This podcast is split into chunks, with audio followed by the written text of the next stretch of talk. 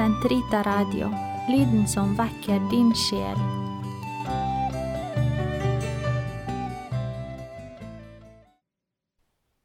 Den katolske kirkes katekisme, uke 47, mandag 9.25-9.30.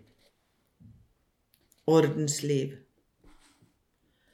Ordenslivet, som oppsto i Orienten i kristendommens første århundrer, og som leves i institutter kirken har opprettet kanonisk, skiller seg fra andre former for vigslet liv ved sin gudstjenestelige side, ved at løftene om å leve etter de evangeliske råd avlegges offentlig, ved broderlig fellesliv og ved vitnesbyrd om foreningen mellom Kristus og Kirken.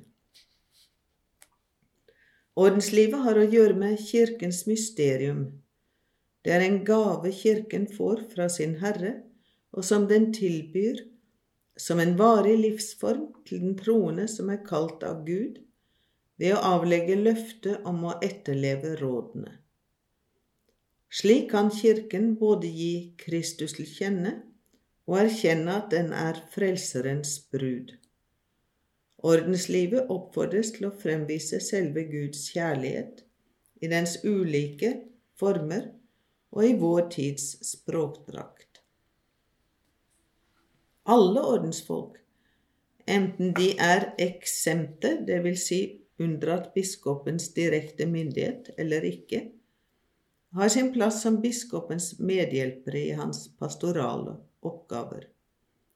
Når Kirkens misjonsvirksomhet opprettes og videreføres, trenges ordenslivets nærvær i alle dess former, helt fra det øyeblikk evangeliseringen begynner. Historien vitner om hvilken stor fortjeneste ordensfamilien har ilagt seg når det gjelder å utbre troen, og når nye kirker er blitt grunnlagt. Alt fra de gamle monastiske ordener og middelalderordnene til de moderne kongregasjoner.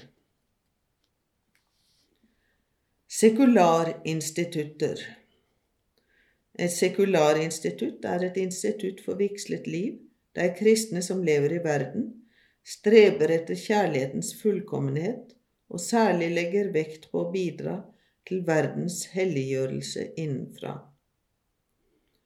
Medlemmene av slike institutter tar del i Kirkens evangeliseringsoppgave ved et liv som er helt og fullt viet denne helliggjørelsen, i verden og ut fra verden, hvor deres nærvær virker på samme måte som en surdeig. Deres vitnesbyrd om kristen livsførsel har til hensikt å bringe den eh, timelige virkelighet i samsvar med Guds orden og å gjennomsyre verden med evangeliets kraft. De tar på seg de evangeliske råds hellige forpliktelser og bevarer seg mellom det fellesskap og det brorskap som passer for deres livsstil i verden. Samfunn for apostolisk liv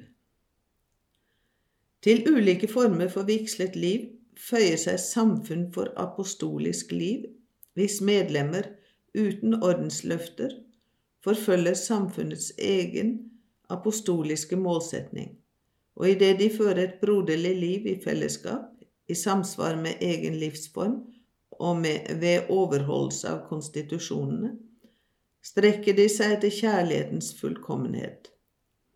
Blant disse finnes det samfunn der medlemmene ved et i konstitusjonene definert bånd tar på seg de evangeliske råd.